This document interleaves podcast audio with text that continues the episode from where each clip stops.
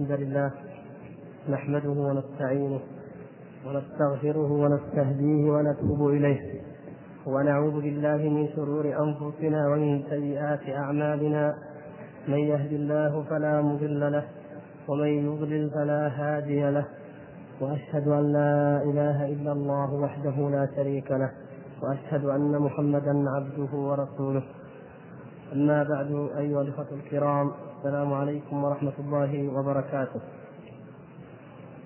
وبعد فما زلنا وإياكم ما زلنا نحن وأنتم نستعرض تلك الآية العظمى التي اختص الله تعالى بها أكرم خلقه عليه محمدا صلى الله عليه وسلم وهي آية الإسراء والمعراج. التي موضوع التي هي موضوع الفقرة السادسة والأربعين من متن هذه العقيدة. رحم الله تعالى ماتنها وشارحها ورحمنا معهم أجمعين إنه على كل شيء قدير. وهذه الآية الكبرى كما سبق أن علمتم في الحلقة الماضية نحن أهل السنة والجماعة جميعا سلفا وخلفا نؤمن بكل ما ثبت عن رسول الله صلى الله عليه وسلم من الآيات الباهرات والأخبار البينات وما جاء منها ما جاء منها في الكتاب وما جاء في السنة. ولا يهمنا ولا نشترط إلا أن يثبت ذلك عن رسول الله صلى الله عليه وسلم بأحد الوحيين. إما الكتاب وإما السنة. وذلك كاف لأن نؤمن ونصدق سواء كان ذلك مما ألفته عقولنا أم مما لم تألفه ولم تعهده. هذا هو المنهج الصحيح الذي عليه أهل السنة والجماعة. وهذه الآية الكبرى جعلها الله تبارك وتعالى آية خارقة خاصة لنبيه محمد صلى الله عليه وسلم. حتى أن نبي الله موسى وهو كليم الرحمن وهو أحد أولي العزم وهو من قص الله تبارك وتعالى علينا سيرته ودعوته وجهاده وصبره وفضله. نبي الله موسى عليه السلام كما جاء في نفس حديث الإسراء بكى بكى لما تجاوز النبي صلى الله عليه وسلم السماء السابعة ثم سما وارتفع إلى ما لم يبلغه ولم يبلغه بشر قط إلا هو صلى الله عليه وسلم. حتى أن جبريل الرسول الأمين تضاءل حتى أصبح كالعصفور من خشية الله تبارك وتعالى ومن القرب والدنو من حضرته من حضرة جلاله جل شأنه. ورسول الله صلى الله عليه وسلم قد بلغ تلك الدرجة فبكى نبي الله موسى. قيل وما يبكيك قال أبكي أن غلاما بعثه الله تعالى من بعدي وقد بلغ ما لم أبلغه.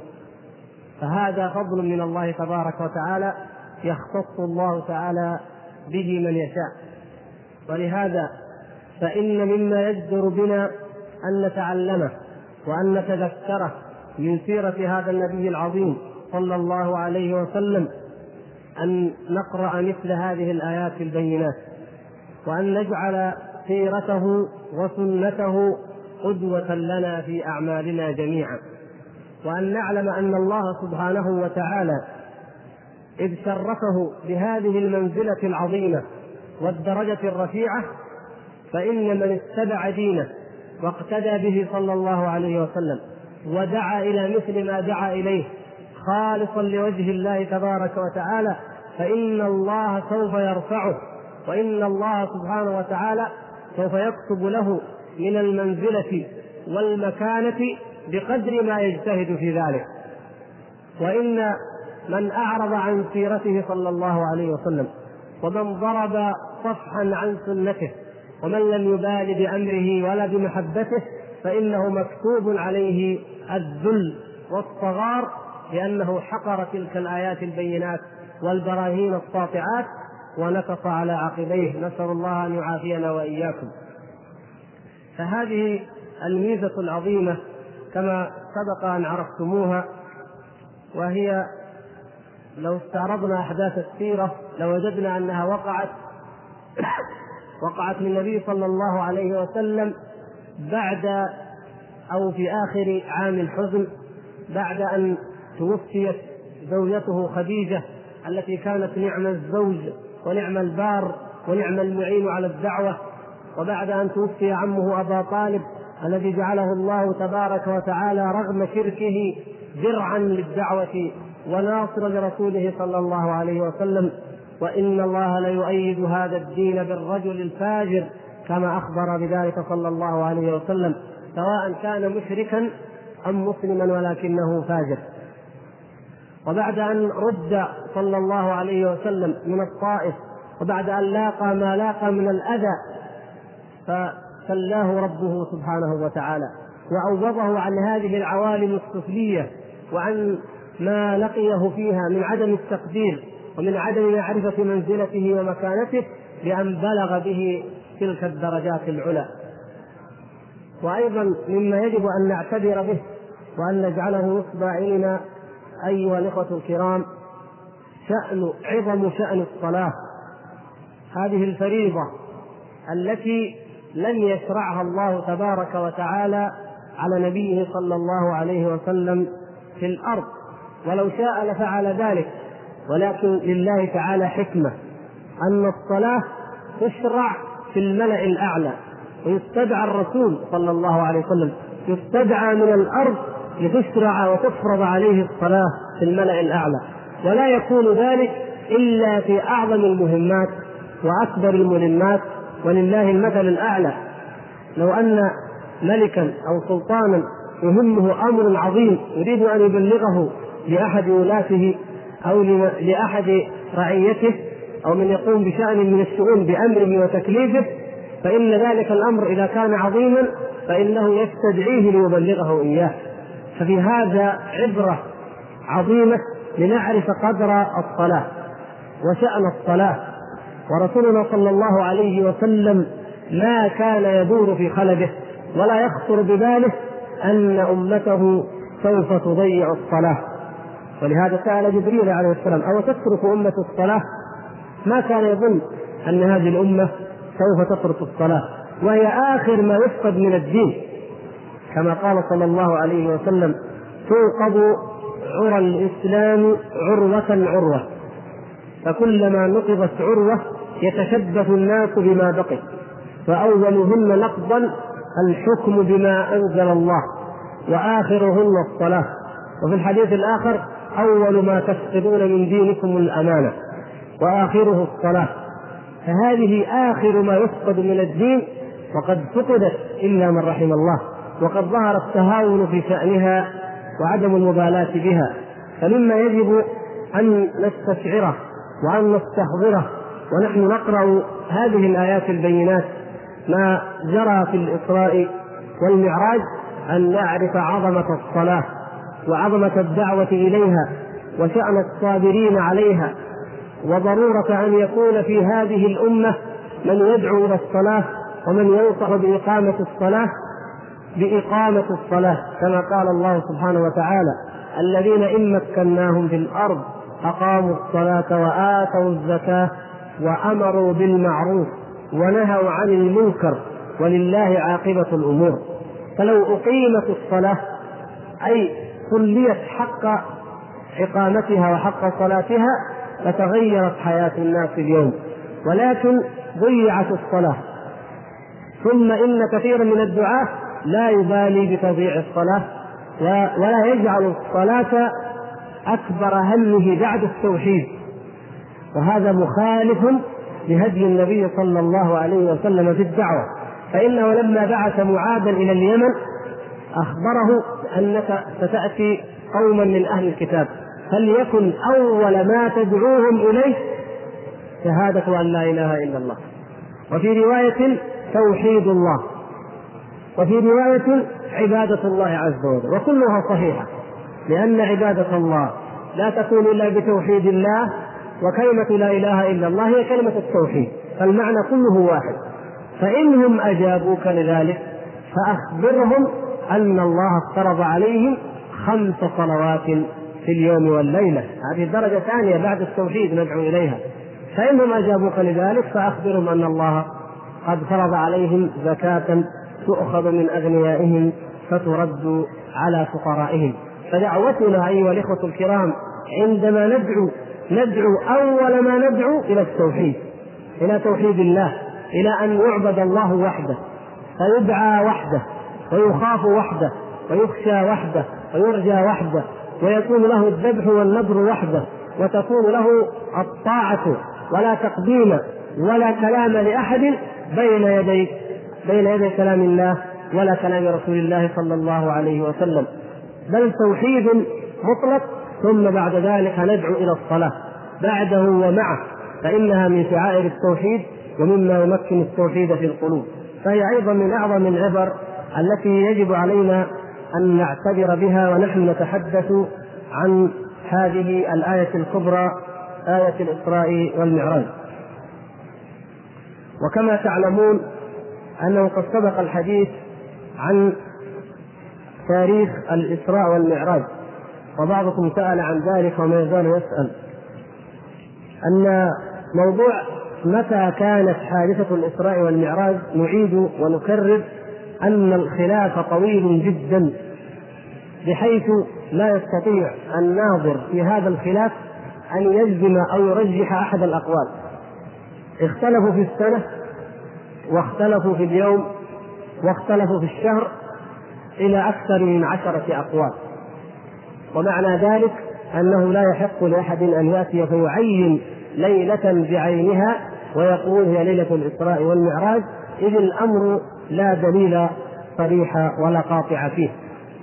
ولو فرض أن الليلة معروفة معينة بيومها وشهرها وسنتها لما كان في ذلك مستندا لمن يزعم أن الاحتفال بها أمر مشروع يحبه الله تعالى ويرضاه. لأن الله سبحانه وتعالى قد أكمل لنا الدين. ورسول الله صلى الله عليه وسلم ما ترك من أوامر ربه عز وجل شيئا إلا وبلغه. وهو صلى الله عليه وسلم وأصحابه أعلم الناس بعظم هذه الآية الكبرى آية الإسراء والمعراج.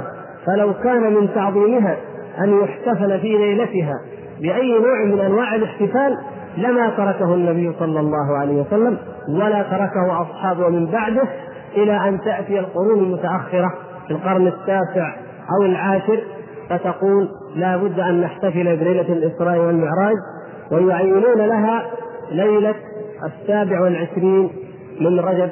وما لهم بذلك من علم إن هم إلا يخرصون. وما لهم بذلك وليس لهم على ذلك من أجر بل يأثمون. وكل بدعة ضلالة وكل ضلالة في النار. وأيضا آه تكلمنا عن الإسراء وهل كان بالجسد والروح معا أم كان بالروح؟ وهل كان مناما أم يقظة؟ بما يكفي إن شاء الله تبارك وتعالى.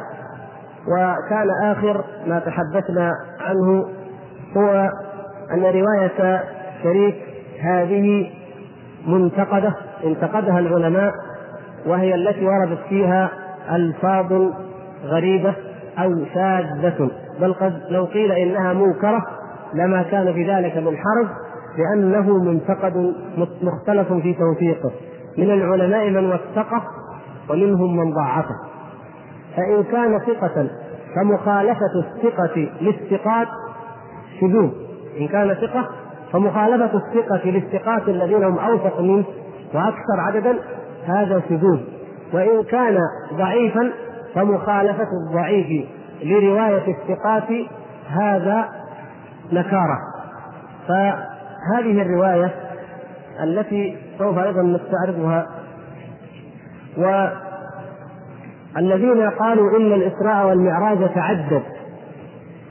كان من آخر ما قرأنا رد الإمام ابن القيم رحمه الله على من يقول إن الإسراء والمعراج كان مرارا لأنهم وجدوا أن رواية شريك بن عبد الله هذه تخالف وتعارض الروايات الصحيحة الأخرى فقالوا لابد للتوفيق بين الروايات أن نقول تعدد الاسراء وتعدد المعراج وهذا ما هو مردود ورد عليه ابن القيم رحمه الله في زاد المعاد في الجزء الثالث صفحة 34 من الطبعة المحققة التي هي خمس مجلدات. والشارح الجزء الثالث ثالث 34 نعم. الشارح هنا رحمه الله في أكثر كلامه أو هو موجز وملخص من زاد المعاد. وبمناسبة الكلام عن رواية الشريك هذا الحقيقة أنني وجدت عبارة للحافظ ابن حجر في الجزء الثالث عشر كتاب التوحيد يقول إن ابن القيم في الهدي النبوي إيش هو كتاب الهدي النبوي؟ نفس زاد المعاد؟ نعم ليش؟ لأنه سماه زاد المعاد زاد المعاد في هدي خير نعم فإذا قيل الهدي النبوي فهو نفس زاد المعاد يقول إن ابن القيم رحمه الله ذكر أن مخالفات شريك بن عبد الله عشرة عشرة مخالفات ولكنه جعل مخالفته في مواضع الأنبياء من السماء في موضع كل نبي جعله مخالفة لوحده وهي أربع. فتحسب واحدة منها يبقى أنه زاد ثلاث أنا ما وجدت في الزاد ذكرا بالتفصيل لمخالفات شريك بن عبد الله وإنما وجدت نفس العبارات التي هنا وهي قوله وقد غلق الحفاظ شريكا في ألفاظ من حديث الإسراء هذه بنفسها في زاد المعاد ومسلم أورد المسند منه ثم قال تقدم وأخر وزاد ونقص ولم يسرد الحديث وأجاد رحمه الله. وقال الشيخ انتهى كلام الشيخ شمس الدين نعم.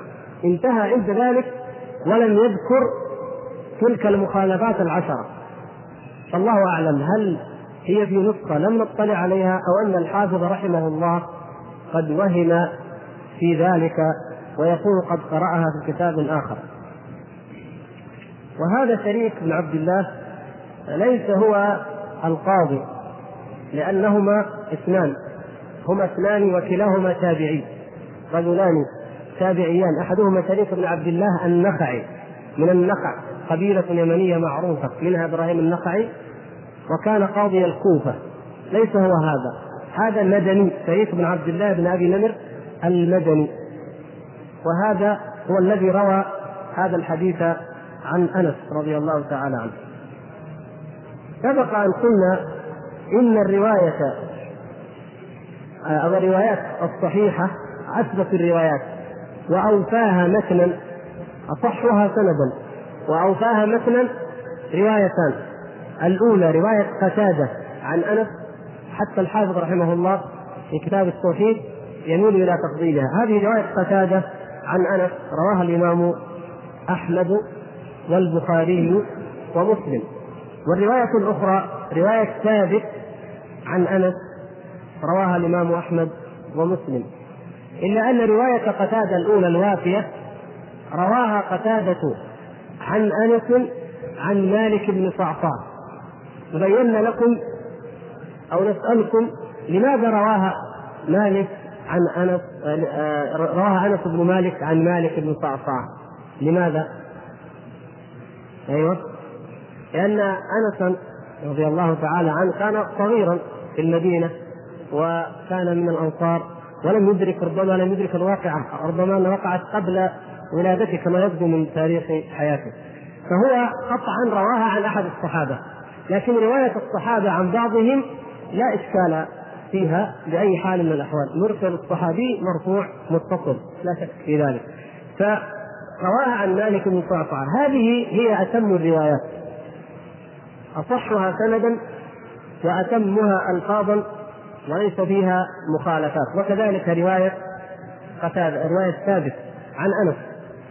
وإن كان بينهما الاختلاف فالاختلاف يقع بين الروايات ويمكن أن يجمع بينها. إلا أن الرواية التي فيها الاختلاف والاضطراب هي رواية شريك بن عبد الله المدني. هذه. و آه، الإمام ابن القيم رحمه الله أكثر ما عول عليها وإن كان لم يأخذ ببعض ألفاظها بالذات والشارح هنا نقل تقريبا كلام ابن القيم بنصه فلم يأتنا برواية كاملة منفصلة وإنما جاء ذكر هو من عنده آه، رواية مدمجة ذكر فيها من هنا ومن هنا وإن كان أكثر التأويل فيها في الحقيقة هي هي على رواية الشريف لأن يبدو أن فيها نوع من التفصيل وهي الرواية التي آه، علق عليها الحافظ في الجزء الثالث عشر. في آخر الصحيح في كتاب التوحيد.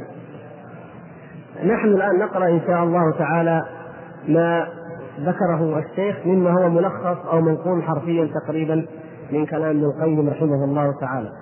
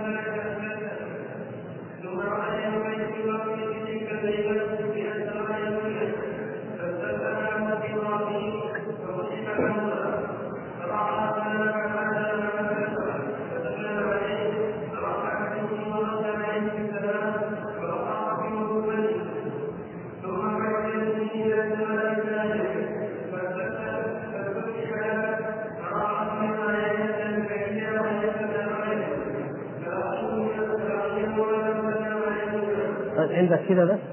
الإخوان عندهم الطبعة الثانية يلاحظوا في زيادة بعد واقر بنبوته وأراه الله أرواح السعداء عن يمينه وأرواح الأشقياء عن يساره ثم عرج به إلى السماء الثانية.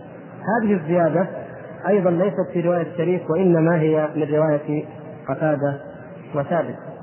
أن الله سبحانه وتعالى لما رأى النبي صلى الله عليه وسلم آدم عليه السلام في السماء الدنيا رأى عن يمينه أسودة وعن يساره أسودة فإذا التفت عن يمينه ضحك وإذا التفت عن يساره بكى. فسأل جبريل فسأل النبي صلى الله عليه وسلم جبريل عليه السلام من هذا؟ قال هذا أبوك آدم. قال وما هذا؟ قال هؤلاء أصحاب الجنة. فإذا نظر إليهم ضحك وهؤلاء أصحاب النار. إذا نظر إليهم بكى. هذه الزيادة من زيادات الروايات الأخرى. وأراه الله أرواح السعداء أسودة. عن يمينه وأرواح الأشقياء عن يساره. نعم. ثم عرج به إلى السماء الثانية. تفضل.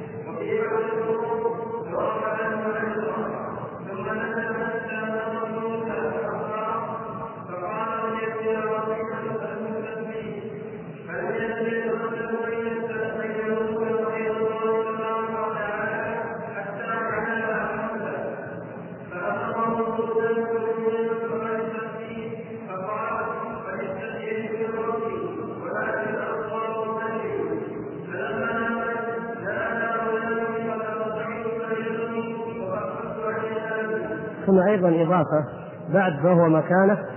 هذا لفظ البخاري في بعض الطرق. العبارة التي في هذه النسخة هذا لفظ البخاري في صحيحه. وفي بعض الطرق فوضعا لا. هذا يعني يقصد كلمة وهو مكانه.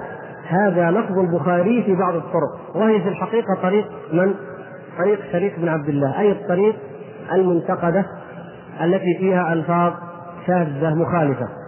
فوضع عنه عشرا هذه تكملة للكلام الأول الذي هو مجموع من بقية من من مجموع الطرق. لكن على على القراءة التي في هذه النسخة التي بتعليق الشيخ الألباني كأن هذا هو لفظ البخاري في صحيحه وكأن ما بعده في بعض الطرق كأنها خارج البخاري مثلا.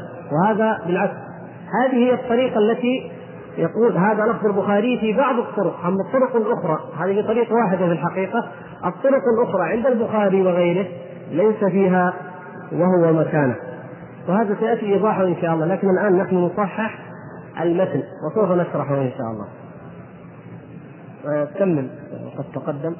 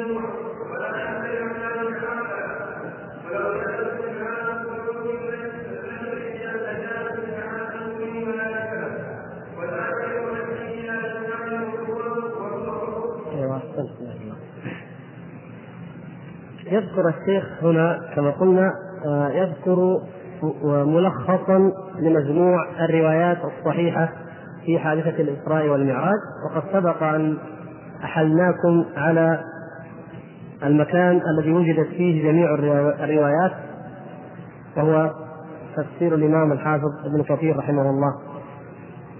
ابن كثير. وأيضا ابن جرير. لكن ابن كثير جاء بجميع الروايات ومنها ما في المسند. ومنها ما في الصحيحين ومنها ما في آه، تفسير ابن جرير. فهو جمع جميع الروايات ومنها رواية قتادة ورواية ثابت كلاهما عن أنس وكذلك من غيرهما من غيره من الصحابة كأبي هريرة وابن عباس وغيرهم. على اختلاف في وعلى تفاوت في طول تلك الروايات أو قصرها. الشيخ هنا ذكر ملخصا لذلك منقول هذا منقول كما أشرنا من كتاب زاد المعاد. فهو اولا أنه اسري صلى الله عليه وسلم بجسده في اليقظة على الصحيح. وهذا قد سبق أن عرفنا الأدلة عليه من المسجد الحرام إلى المسجد الأقصى. هذا نص الآية. سبحان الذي أسرى بعبده ليلا من المسجد الحرام إلى المسجد الأقصى. راكبا على البراق البراق ورد بيان صفتها في نفس الأحاديث وهي أنها دابة دون البغل وفوق الحمار. هذه آية من آيات الله عز وجل جعلها الله تبارك وتعالى ذلولا ومركبا لنبيه محمد صلى الله عليه وسلم. وقد ورد في بعض الروايات هذه ما يشعر بأنه قد ركبها غيره لأنه لما أراد النبي صلى الله عليه وسلم أن يركبها اضطربت. فقال جبريل اثبت أو اثبتي فما فوالله ما ركبك بشر قط أكرم على الله منه. يعني النبي صلى الله عليه وسلم. فقد يفهم من هذا أن غيره من الأنبياء ركبها.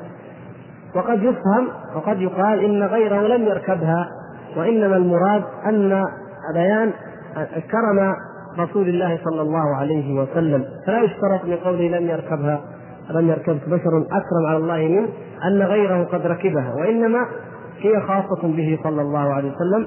والله تعالى أعلم بذلك. وإنما حصلت له هذه الآية العظيمة ركب هو وجبريل عليه السلام أو في هنا يقول صحبة جبرائيل أو وصحبه جبرائيل كلها صحيح. إما نقول ركب صحبة جبريل أو ركب وصحبه جبريل كلا المعنى صحيح. فنزل هناك أي في بيت المقدس وصلى بالأنبياء إماما. والذي يترجح من الروايات أن صلاته صلى الله عليه وسلم بالأنبياء كانت قبل عروجه إلى السماء. وإن كان قد ورد في بعضها أنها بعد رجوعه. لكن الذي يظهر أن الله سبحانه وتعالى أسرى به أولا إلى المسجد الأقصى ومن هنالك إلى السماء وعاد من السماء إلى المسجد الحرام. هذا الذي يبدو وصلى صلاته بالأنبياء إماما هذه فيها دليل عظيم واضح جلي على فضله صلى الله عليه وسلم. وعلى ما هو معلوم من أن الله سبحانه وتعالى قد أخذ العهد على كل نبي أن يؤمن وأن يصدق بهذا النبي محمد صلى الله عليه وسلم. وإذ أخذ الله ميثاق النبيين لما آتيتكم من كتاب وحكمة ثم جاءكم رسول مصدق لما معكم لتؤمنن به ولتنصرنه. فهذا عهد وميثاق أخذه الله تبارك وتعالى على الأنبياء أن يؤمنوا بمحمد صلى الله عليه وسلم فهو إمامهم وهو أقبلهم وهذا الموقف يذكرنا بما جرى بما يجري متى؟ في يوم القيامة حين يتراجع الأنبياء صلوات الله وسلامه عليهم. كلهم يتخلون وكل يقول نفسي نفسي فيتقدم صلى الله عليه وسلم بالشفاعة العظمى ويقول أنا لها أنا لها ثم يكون من ذلك ما يكون من التكريم العظيم له صلى الله عليه وسلم وتشفيعه في أهل المحشر وذلك هو المقام المحمود الذي لم يجعله الله تبارك وتعالى لبشر غيره صلى الله عليه وسلم. وربط البراق بحلقة باب المسجد. ذكر الحافظ ابن كثير رواية قرأتموها ولا بد. هذه مما يذكر ويستأنس بذكره في هذه المناسبة. أن لما تعلمون حديث أبي سفيان تذكرونه؟ حديث أبي سفيان مع هرقل. لما أن كتب النبي صلى الله عليه وسلم مع دحية الكلبي إلى ملك الروم إلى هرقل بكتاب يدعوه فيه إلى الإسلام في أول صحيح البخاري فقال ائتوني بأي رجل من قوم هذا الرجل أو من أتباعه؟ فجيء بحث فوجد أبو سفيان وهو رأس الشرك يومئذ. فجيء به إلى هرقل وكانت المساءلة والمناظرة التي مرت معنا في باب النبوة في موضوع النبوات كما تعلمون. في هذه الرواية يقول إن أبا سفيان قال فهممت أن أقول له أمرا لعله مما يكذبه به. يعني يريد أن يقول لهرقل شيء يستفضعه ولا يصدق به فيكون ذلك مما يثبت عزمه على أن يؤمن بالنبي صلى الله عليه وسلم أو أن يصدقه. فكان أن سأله أن قال له فقد أخبرنا أيها الملك أنه جاء في ليلة واحدة من مكة إلى بيت المقدس ثم عرج إلى السماء واخترقها إلى السماوات السبع ثم رجع في ليلة واحدة. فتعجب هرقل. فقال قسيس كان جالسا عند هرقل قال له وما يدريك أن ذلك وقع؟ قال وكيف؟ قال أيها الملك أنا أخبرك بذلك. إني في ليلة من الليالي وهو هذا القسيس آه، الساجن أو المسؤول عن بيت المقدس. قال في ليلة من الليالي أمرت الحرس والعمال أمرتهم أن يوقظوا الأبواب. فأقفلوها إلا باب من الأبواب فإنهم قد حاولوا وبذلوا جهدهم فلم يستطيعوا أن يقتلوه فقلنا نتركه إلى غد حتى نأتي بالنجار أو من يصلحه. فبقي الباب مفتوحا. فلما كان الصباح آه، جئنا فوجدنا آثار أناس قد صلوا ورأينا في الصخرة نقرة وأثر مربط دابة من الدواب. يعني هذه الرواية هي مما يؤخذ من الأخبار التي لا نشترط صحة السند فيها. هذه منقولة عن قسيس نصراني. إلى ملك ملوك النصارى. ليس فيها حكم من أحكام ديننا ولكن فيها عبرة وعظة لإثبات صدق النبي صلى الله عليه وسلم وأن الله سبحانه وتعالى أكرمه بذلك وأن هذه الآية قد رآها أولئك القوم. هذا بمناسبة قول وربط البراق بحلقة باب المسجد. وقد قيل إنه نزل بيت لحم وصلى فيه هذه ذكر ذلك في روايات ضعيفة. وكما قال ابن القيم رحمه الله ولم يصح ذلك عنه البتة ثم عرج به تلك الليلة من بيت المقدس إلى السماء الدنيا. عرج به على البراق إلى السماوات السبع. بالطبع أول سماء هي السماء الدنيا. فاستفتح له جبريل. استفتح جبريل الملائكة. فقيل ومن معك؟ قال محمد صلى الله عليه وسلم. قالوا أو قد بعث؟ قال نعم. قالوا مرحبا بك وبمن معك. ففتح لهم. يمكن نقف وقفة بسيطة عند هذا الكلام. الأنبياء الملائكة حراس السماوات. الذين لا يتنزل الأمر من الله عز وجل أو يصعد إلا ويأتيهم منه الخبر كما تعلمون إذا شاء الله سبحانه وتعالى. لأن الله إذا قضى الأمر فإنه يسمع له كجر سلسلة على صفوان فيغمى عليهم فيكون أول من يفيق. جبريل فيتلقى الأمر ثم يمر على أهل كل سماء فيقولون ماذا قال ربكم؟ فيقول الحق وهو العلي الكبير. هذا فهؤلاء من معك؟ لا يعلمون من من الذي مع جبريل. فلما قال محمد صلى الله عليه وسلم قالوا أو قد بعث؟ فلم يعلموا أنه قد بعث صلى الله عليه وسلم. ففي ذلك دليل على كذب من يدعي علم الغيب ويقول إنه من الأولياء. هؤلاء عباد الله الصالحون. في ذلك المكان العظيم. حرسوا السماء. ما يدرون أنه من الذي مع جبريل ولا يدرون أقد أو قد بعث أم لا. لكن يعلمون أنه رسول نعم. لأن قولهم أو قد بعث دليل على أنهم يعلمون أن نبيا سيبعث يقال له محمد صلى الله عليه وسلم. لكن ما يدروا حتى جاء يستفتح ومعه جبريل عليه وعلى نبينا صلى الله عليه وسلم أفضل الصلاة والتسليم.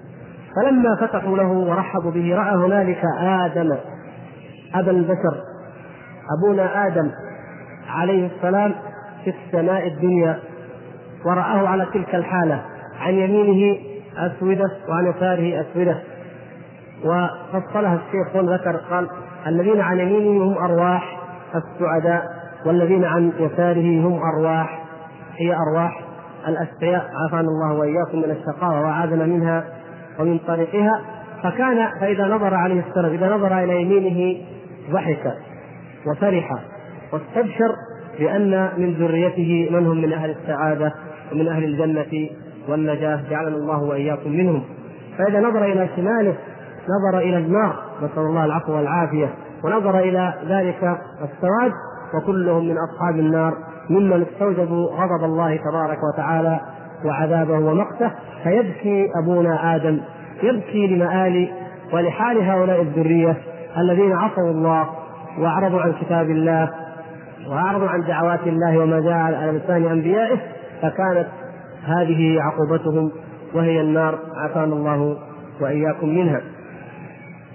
ثم عرج به إلى السماء الثانية فاستفتح أو فاستفتح له يعني استفتح له جبريل. فرأى فيها يحيى بن زكريا وعيسى بن مريم. وفي وجودهما معا آه، آه، شيء من الحكمة فيه شيء من الكرامة لهما. لأنهما كما جاء في الرواية هما ابناء الخالة. هما ابناء الخالة وكانا معا في السماء الثانية عيسى ويحيى عليهما وعلى نبينا صلى الله عليه وسلم أفضل السلام. فايضا رحب به صلى الله عليه وسلم وأقر بنبوته ثم عرج به إلى السماء الثالثة فرأى فيها يوسف عليه السلام فسلم عليه فرد عليه ورحب به وأقر بنبوته عليه وعلى نبينا صلى الله عليه وسلم أفضل الصلاة والتسليم. ثم عرج به إلى السماء الرابعة فرأى فيها نبي الله تعالى إدريس عليه السلام. فذلك قوله تعالى ورفعناه مكانا عليا كما جاء في رواية أخرى. هذا المكان العلي رفعه الله تبارك وتعالى في السماء الرابعة إدريس عليه السلام. فسلم عليه رسولنا صلى الله عليه وسلم فرد السلام ورحب به وأقر بنبوته ثم عرج به إلى السماء الخامسة فرأى فيها هارون بن عمران أخا موسى عليهم وعلى نبينا صلى الله عليه وسلم أفضل الصلاة والتسليم فسلم عليه ورحب به وأقر بنبوته ثم عرج به إلى السماء الثالثه فلقي فيها موسى بن عمران. ما تقدم من السماء الأولى إلى الخامسة هذا هذه هي الرواية الراجحة التي لا ينبغي أن تعارض بما جاء في رواية شريك ولا غيره لأن شريكا اضطرب. وفي رواية أيضا للزهري أنه قال لم يضبط لم يحفظ ولم يدري في الأنبياء في أي سماء. هذه أرجح وأصح الروايات أن آدم في الأولى في الثانية آه، عيسى ويحيى في الثالثة يوسف في الرابعة إدريس في الخامسة هارون. بعد ذلك تأتي تختلف الروايات الصحيحة الثابتة التي يصعب علينا أن نرجح أحداهما على الأخرى. في ماذا؟ في أيهما كان في السادسة والآخر في السابعة؟ أكان موسى عليه السلام في السادسة وإبراهيم في السابعة؟ أم العكس كان إبراهيم في السادسة؟ وموسى في السابعة. ومما يرجح هذا مما يرجح مثلا كون إبراهيم عليه السلام في السابعة أنه آه، هنالك عند البيت المعمور. في السماء السابعة عند البيت المعمور لأنه كما هو الذي بنى هذا البيت الذي هو الكعبة في الدنيا. وأيضا فضل إبراهيم عليه السلام وكونه خليل الرحمن يستدعي ذلك أو يرجح ذلك كونه خليل الرحمن وكونه أشبه الناس برسولنا صلى الله عليه وسلم. أو كون رسولنا صلى الله عليه وسلم أشبه الناس به فايضا هذا مما قد يرجح علو إبراهيم عليه السلام. وأما كون موسى عليه السلام هو الاعلى فيرجحه ما يأتي في آخر الحديث أنه صلى الله عليه وسلم لما فرضت عليه الصلوات خمسين صلاة يرجع فيقابله موسى عليه السلام فيقول له ارجع.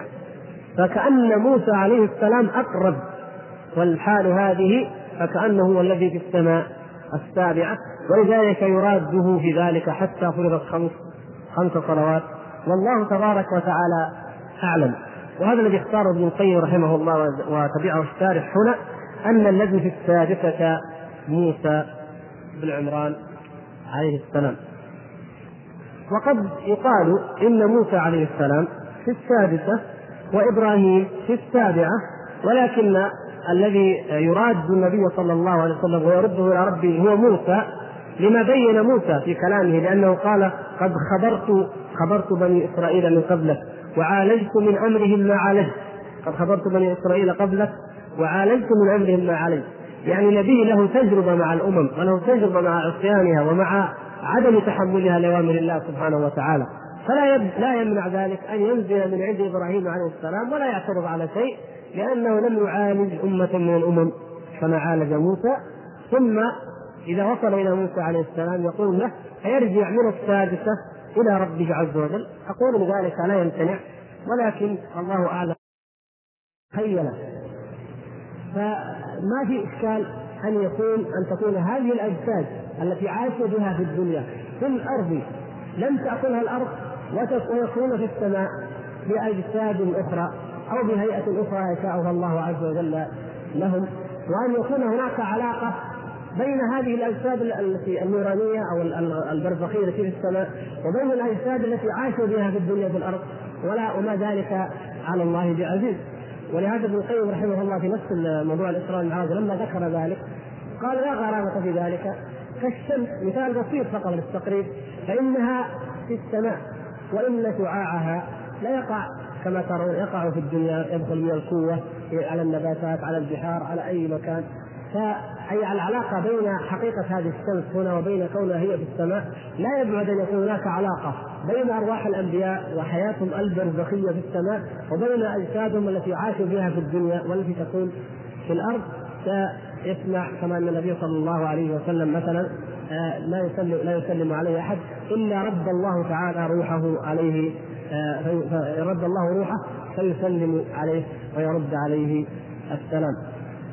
كل شيء من هذا القبيل نرجعه إلى أصل من أصول أهل السنة والجماعة وهو أننا نؤمن بما أخبر به النبي صلى الله عليه وسلم من أمور الغيب ولا نقول كيف.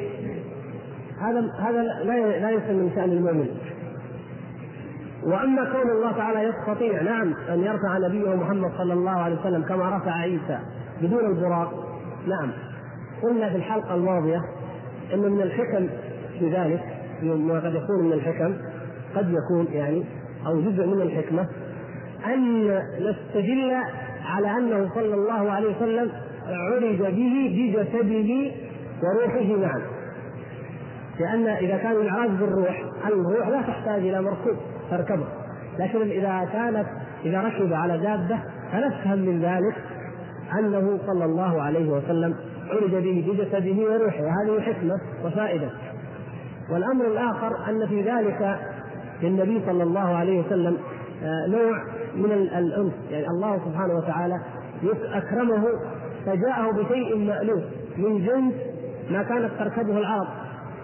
فما هو إلى اليوم يعد أفضل وأفخر وأغلى ما يركب مثلا ان أن تركب الخيول الأصيلة النزيهه مثلا. فهذا من جنس الشيء الذي يألفه النبي صلى الله عليه وسلم. فاذا ركب عليه فيأنف بأنه يطير به وينتقل به. كما أن العرب عادة تركب على الخيل فتجري بها جريا سريعا فهو يركب على هذه الدابة التي دون البغل وفوق الحمار ولكن تختلف في السرعة تختلف في كل شيء طبعا إلا أنها مشابهة لجنس ما يألفه النبي صلى الله عليه وسلم. وما هو معروف عند العرب فيكون ذلك أقرب لتسكين قلبه وتطمينه زيادة زيادة في إكرامه صلى الله عليه وسلم. والله أعلم.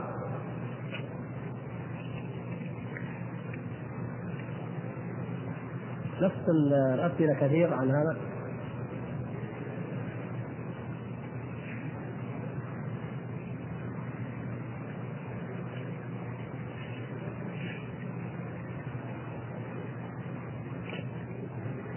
يقول الأخ عند عروض الرسول صلى الله عليه وسلم من هم الذين سألوا أهو بعث أو قد بعث؟ أي هل النبي بعث؟ فلو كان سيدنا آدم أحد الأنبياء آه، سأل ذلك فكيف صلى بهم في بيت المقدس؟ ثم يتساءلون هل بعث في السماء؟ من الذين سألوا وهو قد بعث؟ خلاص. إذا الملائكة الموكلون بحفظ السماء على أبواب السماء سألوا أو قد بعث. فلما قال جبريل نعم قالوا مرحبا بك وبمن معك وفتحوا لهما.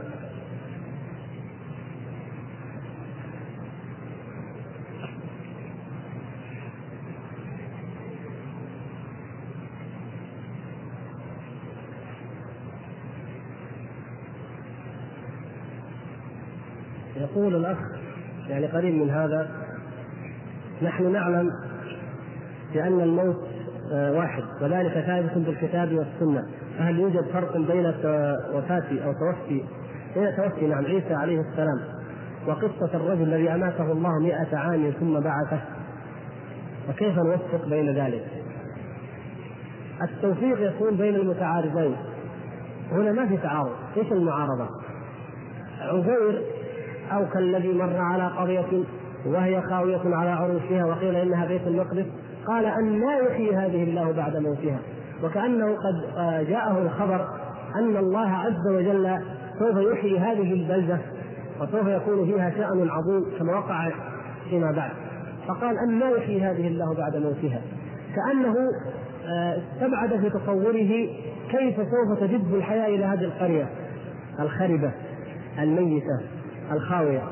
فأماته الله مئة عام ثم بعثه حتى يعرف أنه أنت بنفسك أمتناك وبعثناك فهذا دليل من نفسك وأيضا أمره أن ينظر إلى الحمار كيف يجمع الله العظام ثم ينشزها ثم يكسوها لحما سبحانه وتعالى حتى يستيقظ. فلذلك قال قال أعلم أن الله على كل شيء قدير. ما عاد اعترف ما عاد أشك ما أشك ابدا.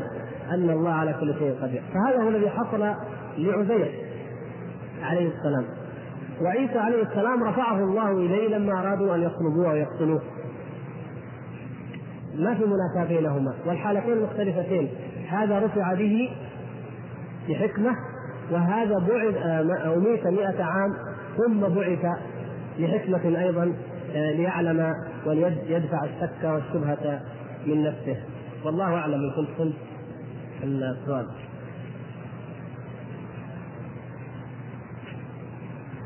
أكثر من سؤال جاء آه، عن كيفية أو ماهية الصلاة التي صلاها النبي صلى الله عليه وسلم قبل أن يعرج به. يعني كيف صلى بهم في بيت المقدس ثم عرج به والصلاة إنما فرضت ليلة الإسراء. جميل. أنا أحب أنكم تسألوا مثل هذا. لأنه دليل أنكم إن شاء الله تتابعوا الموضوع وتستوعبوه. القضية أن الصلاة أيها الإخوة الكرام هذه فرضت على الأمم من قبلنا. أبو الأنبياء إبراهيم الخليل عليه السلام ماذا يقول في دعائه؟ ايها الشيخ إبراهيم رب اجعلني مقيم الصلاة ومن ذريتي. إذا إقامة الصلاة كانت معروفة. موسى عليه السلام مر النبي صلى الله عليه وسلم وهو قائم يصلي في قبره زي ما قلنا الآن آنفا. الله عز وجل يقول في حق أهل الكتاب بعد أن قال لم يكن الذين كفروا من أهل الكتاب والمشركين منفكين حتى تأتيهم البينة. ماذا قال في حق أهل الكتاب؟ وما أمروا إلا ليعبدوا الله مخلصين له الدين حنفاء ويقيموا الصلاة ويؤتوا الزكاة. وذلك دين القيم. إذا الصلاة مفروضة.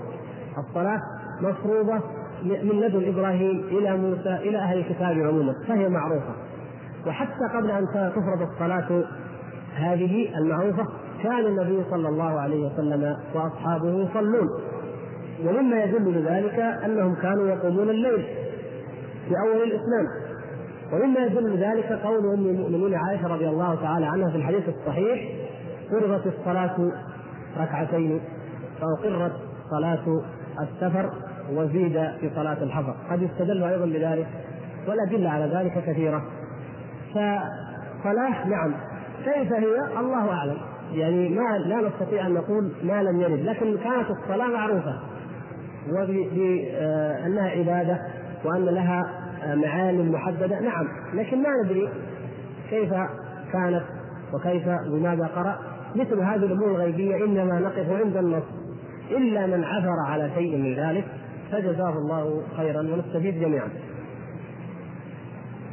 آه بعدين الأخ يقول أخ آخر يقول لما أنه صلى بالأنبياء قبل المعراج فكيف لم يعرفهم عندما صعد إلى السماء؟ طيب أول شيء إنه ال ال الاسراء كان في الليل والنبي صلى الله عليه وسلم صلى بالأنبياء جميعا وما يقدر يميزهم والأنبياء قيل أنهم كم؟ قيل في حديث بانهم 120 ألف فكيف يعرف 120 ألف؟ ولو فرضنا أنهم أقل من ذلك كيف يعرفهم؟ والذين رآهم في السماء إنما كما لاحظتم رأى كم سماوات هي سبع اذا كم رأى؟ آه تمام أحسنت هم صحيح أن السماوات سبع لكن رأى كم هو؟ ثمانية لماذا؟ لأن عيسى ويحيى مع بعض اثنين هو شاف ثمانية وهم كذا ألف. الله أعلم كم. فاذا الذين رآهم في السماء لهم ميزة ولهم اختصاص وعرف بهم شخصيا ووصفهم. أنها موسى كانه من رجال الأز من سنوءة وأن عيسى أحمر قصير وأما إبراهيم فانظروا إلى صاحبكم. فيشير إلى نفسه صلى الله عليه وسلم. فهذه لأول مرة يتعرف عليهم ويشوف أشكالهم ويراهم بهذا يعني الهيئة التي آه، أطلعه الله سبحانه وتعالى وأراه إياهم. فهم معدودون بينما صلى بهم في الليل كما قلنا وعدد كبير فلا يبعد انه لم يعرفهم في في الأرض. ولم يكن المقصود أن يتعرف على الأنبياء وإنما كان المقصود أن يصلي بالأنبياء ليعرف فضله وتقديمه صلى الله عليه وسلم. فلما عرج إلى السماء تعرف في كل سماء على واحد إلا الثانية فإنه رأى فيها ابني ابني الخالة. وهما عيسى ويحيى عليهما السلام.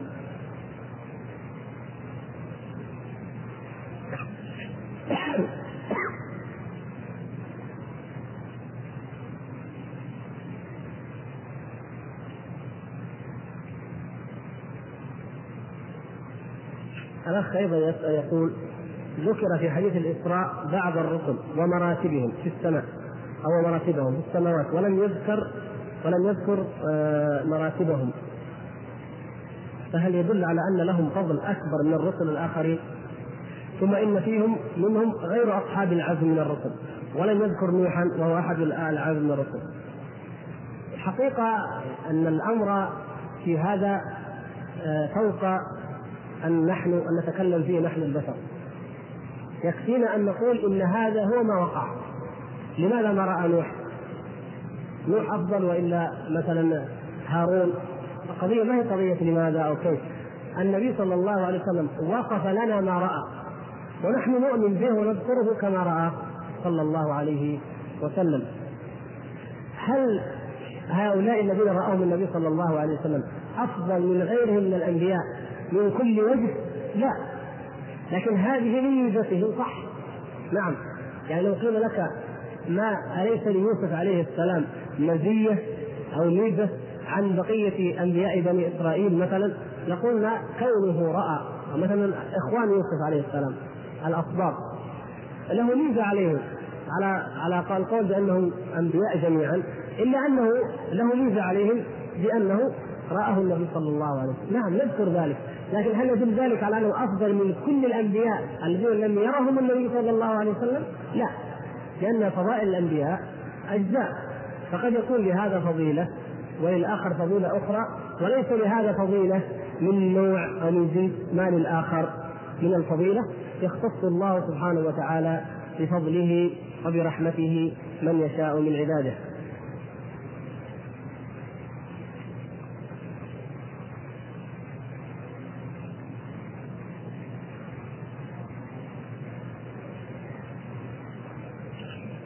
أيضا آه، سأل عدد من الإخوان عن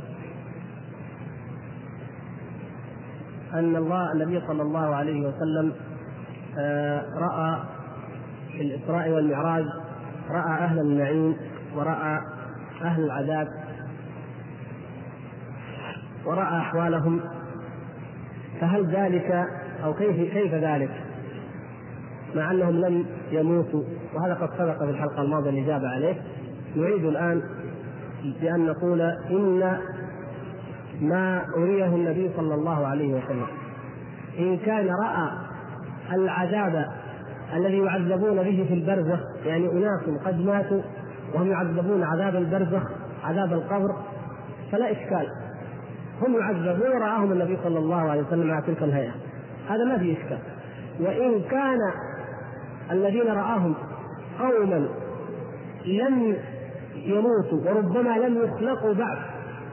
فأيضا لا إشكال في ذلك لأن الله على كل شيء قدير فيريه الله عز وجل يريه حالتهم التي سيكونون عليها في النار. عافانا الله وإياكم من ذلك. ليرجع إلينا كما فعل صلى الله عليه وسلم فيخبرنا بحالهم فنعرف أن آكل الربا هذا حاله. وأن الذي يمشي بالنميمه هذا حاله وأن الكذاب الذي يقول الكذبة فتنتشر في الآفاق هذا حاله. وإلى آخر ما ذكره النبي صلى الله عليه وسلم من روايات مختلفة آه، صحيحة في أنها وقعت ليلة الإسراء والمعراج غير ما عرضنا نحن في هذا العرض الموجز الذي ذكره الشارح هنا. فهذا ليس بعجوز في قدرة الله عز وجل أن يريه ذلك ليخبرنا به. مثلا لما رأى الزناة وهم في أسفل التنور عافانا الله وإياكم. ولهب النار يأتي عليهم. هذه عبرة عظيمة. عظة وأكلت الربا الذين يسبحون في الدماء يسبح يسبح في دماء الناس. وهكذا حتى نعرف نحن آه، خطر الربا وضرر الزنا وضرر شرب الخمر وضرر الكذب وأمثال ذلك. وأن من فعلها فذلك فتلك عاقبته فسواء كان هؤلاء ممن سيفعلها ممن لم يخلق وذلك مآله أو أن هؤلاء ممن فعلوها من الأمم قبلنا أو من هذه الأمة لكن ماتوا فرضا قبل تلك الليلة فلا إشكال ولا عجب في قدرته عز وجل. يقول الأخ كيف استدل المستدلون على أن الإسراء والمعراج في 27 من رجب؟ حقيقة نحن نسألهم إيش الدليل؟ اختلف في اليوم واختلف في الشهر واختلف في السنة ناس قالوا الاثنين ناس قالوا الخميس ناس قالوا الجمعة ناس قالوا في رجب ناس قالوا في رمضان ناس قالوا في القعده ناس قالوا في الحجة ناس قالوا في محرم ست شهور من شهور السنة. ستة شهور وقع الكلام إن هل هي في ايها كانت. يعني نصف السنة أو ربما أكثر. وبعدين التاريخ عشرة أقوال. بل قال الحافظ أكثر من عشرة أقوال في تاريخه. هل كان قبل الهجرة بسنتين؟ قبلها بثلاث قيل قبل البعثة بعد البعثة بكم؟ إذا ما في تحديد. وكل محدثة بدعة وكل بدعة ضلالة. فيكفينا ما فعله النبي صلى الله عليه وسلم وأصحابه.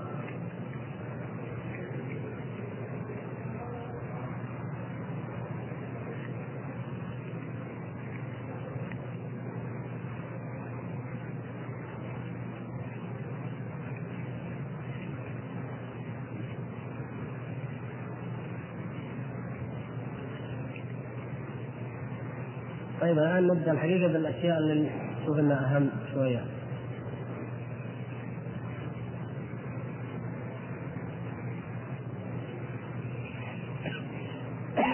أخ يقول ما حكم العزيمة التي يشربها الإنسان طلبا للشفاء مع اعتقاده أن الله هو الشافي مع العلم أن هذه العزيمة عبارة عن زعفران يخلط في ماء ثم يقرأ فيه آيات من القرآن فقط ثم يؤتى بهذا الزعفران فيخطط به على مثل الورقة بسواك على مثل الورقة هذه يعني.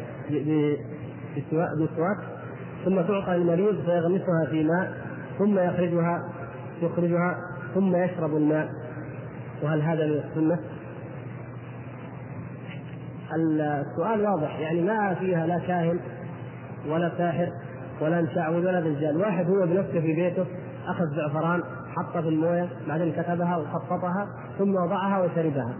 هذه هذه في ذاتها مكروهة مبتدعة. وقال بعض العلماء إنها محرمة وإن ورد أن بعض السلف فعل ذلك أو كتب بزعفران ثم شربه يتقوى به على حفظ القرآن أو على آه، شيء من ذلك. هذا ورد عن عدد قليل ولا حكم لذلك الشاذ أو النادر. وهذه الأمور من الأمور التعبدية التي آه، لا يجوز لنا أن نتجاوز فيها الدليل. بل نقف عندما وقف النبي صلى الله عليه وسلم وحيثما أخبرنا. فليست هذه من سنته صلى الله عليه وسلم ولم يثبت فعل ذلك عنه صلى الله عليه وسلم ابدا. أما إذا كان الذي عملها مشعوذ أو دجال وكتب معها أشياء أعجمية سريانية بلغات غير مفهومة ودعاء لغير الله هذه يكون حكمها بدعة فقط؟ هذه شرك. هذه صارت من الشرك من الرقى الشركية عافانا الله وإياكم. فهذه أيضا تجتنب لأنها بدعة لأنها لم تثبت عن النبي صلى الله عليه وسلم لأن في ديننا ما يغني عنها حسبك يا أخي أن تقرأ الآيات التي وردت وتنفس نفسا هكذا وتمسح بها كما أخبر النبي صلى الله عليه وسلم. ففيما أخبرنا به غنية وكفاية وليس في الابتداع خير ولا فائدة. بعض الناس يقول إن الأمة تحترق وكثير منهم يموتون على غير الإسلام ونحن ما زلنا نبحث في الفرق والنحل وكأنه يقلل من أهمية تعلم هذا العلم فكيف يكون الرد على مثل هؤلاء الذين يقللون من أهمية العلم فيصدرونه عن الدعوة وما رأيكم أن تخصصوا محاضرة توضحون فيها أهمية تعلم العقيدة والبحث في مسائلها وخطورة عدم العلم باعتقاد السلف الصالح. الحقيقة مما يدل على أهمية الموضوع هذا وعلى أن ضروري أن نتكلم فيه أننا نحتاج أن نخصص محاضرة لنقول للناس إن العقيدة مهمة. سبحان الله يعني هذا دليل على أن الأمة ما تحترق إلا لأنها بعيدة عن عقيدتها. والا بالله أمة مسلمة تحتاج أن يخصص لها محاضرة ليقال لها إن معرفة الله وتوحيد الله والإيمان بالله والإيمان بالمغيبات أمر مهم. اذا نؤمن به في أصل نؤمن به. لماذا؟ كلمة لا إله إلا الله. السؤال أو كلام هؤلاء الناس متناقض. الأمة تحترق وكثير منهم يموتون على غير الإسلام ونحن ما زلنا نتكلم في العقيدة وفي الفرق، طيب ولماذا يموتون على غير الإسلام؟ إلا إذا فسدت عقائدهم وماتوا على الشرك أو على البدع المكفرة. فهذا هو. فإذا أردنا أن يموتوا على الإسلام فيجب أن نعلمهم العقيدة الصحيحة وأن ندعوهم إليها ثم هب يا أخي أن أن تعليم العقيدة الصحيحة والفرق قد فهل يموتون بعد ذلك على الإسلام؟ وهل الأمة لا تحترق؟ كما قال بعض الناس قالوا إن الناس بيطلعوا على القمر وإن أفغانستان احتلت وإن القدس احتلت وفي ناس يتكلمون عن اللحية وعن الثوب وعن كذا وكذا من السنن فقيل لهم طيب رأيتم لو أن هذه اللحى قد حلقت والثياب قد اسبلت أترجع أفغانستان أم ترجع القدس؟ ترجع سبحان الله إيش علاقة هذه بهذه؟ فما علاقة عدم رجوع أفغانستان بدعوة بالدعوة إلى السنن؟ ونحن لا نقول بأن يدعى إلى الفروع قبل الأصول، لكن نقول إن ديننا ليس فيه قشور ولباس، ديننا كله لباس، ويجب أن ندعو إلى الأصول وأن ندعو إلى الفروع مع تقديم الأهم فالأهم، النبي صلى الله عليه وسلم كما سمعنا قبل في حديث معاذ فليكن أول ما تدعوهم إليه التوحيد ثم الصلاة ثم الزكاة ثم بقية الشرائع طبعا معروفة. لكن أيضا ما يعني هذا لما ننكر عليه في الفروع بالمرة؟ لما جاء المجوسيان رسولا كسرى إلى النبي صلى الله عليه وسلم ورأى الصحابة منظرهما غريب غريب ليش يا إخوان غريب؟ لأن العرب في تاريخهم كله إلى أن جاء الاستعمار الإنجليزي والفرنسي إلى قبل 30 سنة تقريبا والله ما كان أحد من آبائنا وأجدادنا يحرق لحيته، هل كان هذا؟ ابدا ابدا من الجاهلية إلى الإسلام 14 قرن ما كان هذا، حتى راونا الإنجليز وبعدين لما جو كمان الأدهى من ذلك والأمريكان وغيرهم. المقصود هذه عادة اوروبيه ما كانت معروفة. فالصحابة رضي الله تعالى عنهم لما رأوا هؤلاء المجوس وشواربهم طويلة ولحاهم محلوقة فشيء عجيب فالنبي صلى الله عليه وسلم سألهما عن ذلك وأنكر عليهما هذا الفعل فقال أمرنا ربنا يعني يعني من كسرى قال ولكن ربي أمرني بماذا؟ باعفاء اللحية. طيب؟ اذا إيش؟ اذا هذا يقول يا أخي هذول نجوس كلمهم في الفروع ما هي قضية حتى الفروع نتكلم فيها لكن بغرض أيضا. يعني ما أقول تعال ترى ما لبست الا اللحية وتصير مؤمن طيب. ما هو كذا. خطأ هذا. لكن يبين له إنك أنت آه يعني كيف العبرة من هذا؟ لما أنك أطعت ربك هذا الرجل الذي تقول ربك سوها فطرتك. سوها الفطرة التي خلقك الله عليها، الله خلقك على التوحيد باطنا وخلقك على الفطرة ظاهرا ومن سوء الفطرة من سوء الفطره إيش؟ اللحية فعل اللحية. فهذا الرب الذي شوهك في الظاهر قد شوهك أيضا في الباطن. يعني كأن هذا هو معنى أو الهدف من ذلك.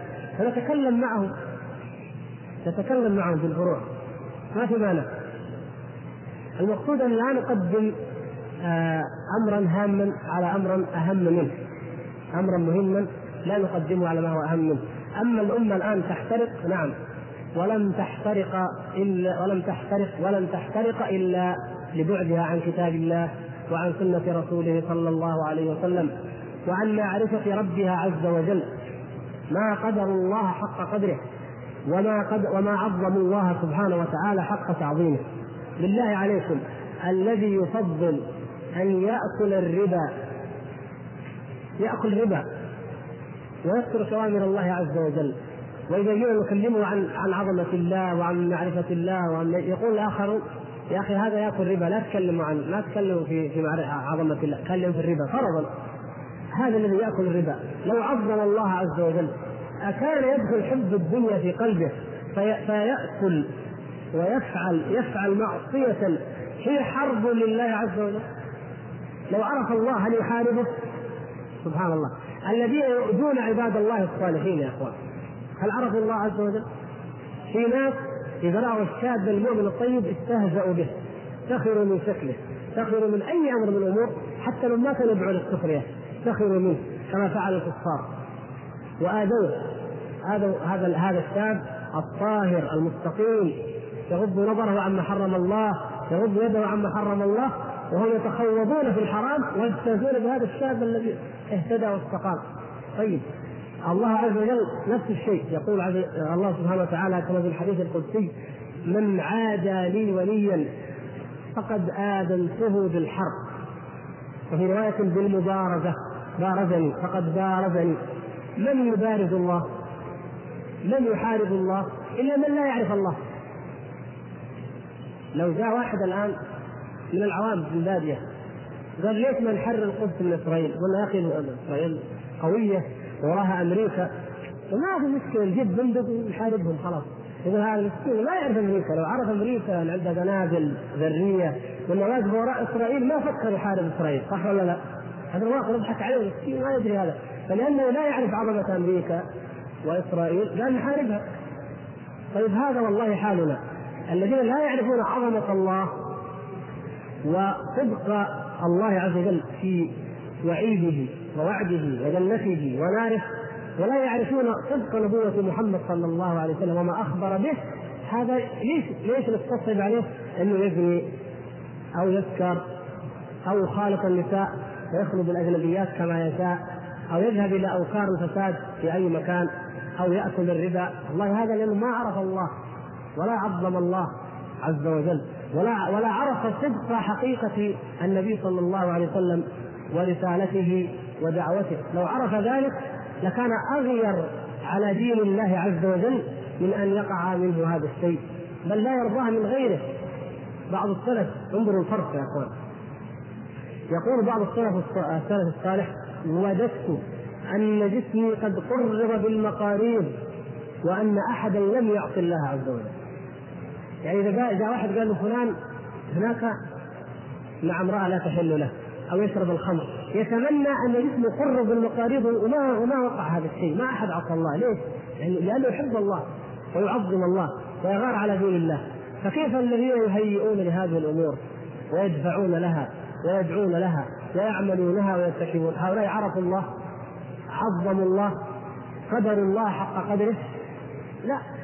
فلهذا يجب أن يكون أول ما ندعو إليه هو معرفة الله وتعظيم الله وأن تعرف يعرف قدر الدنيا بالنسبة إلى الآخرة. أيضا لو عرفنا قدر الدنيا بالنسبة إلى الآخرة لما كان مثل هذه الاعتراضات.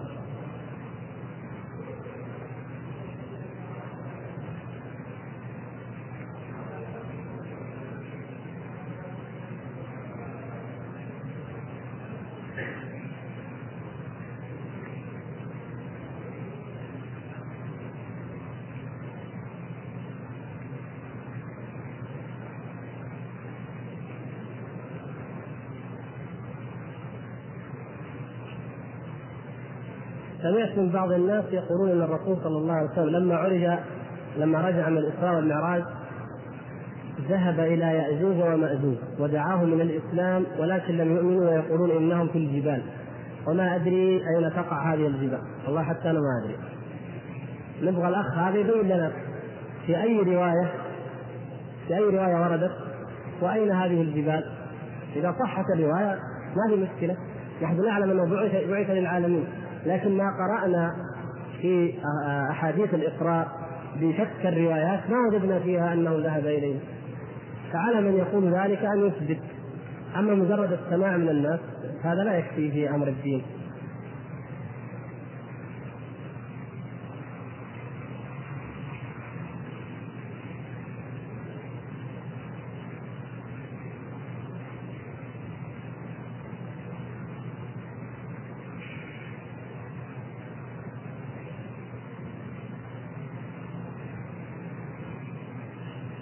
معنى لو كشفه لأحرقت سبحات وجهه ما انتهى إليه بصره من خلقه. لو كشف الله سبحانه وتعالى الحجاب لأحرقت أنوار وجهه ما انتهى إليه بصره من خلقه أي جميع خلقه. لأن الله سبحانه وتعالى لا يصمد شيء أمام نوره. فلما تجلى ربه للجبل جعله دكا. فلا يصمد شيء أمام نوره سبحانه وتعالى. فلما كشف شيئا قليلا فقط لهذا المخلوق الحقير الضعيف بالنسبة إلى الله عز وجل وهو الجبل جعله دكا.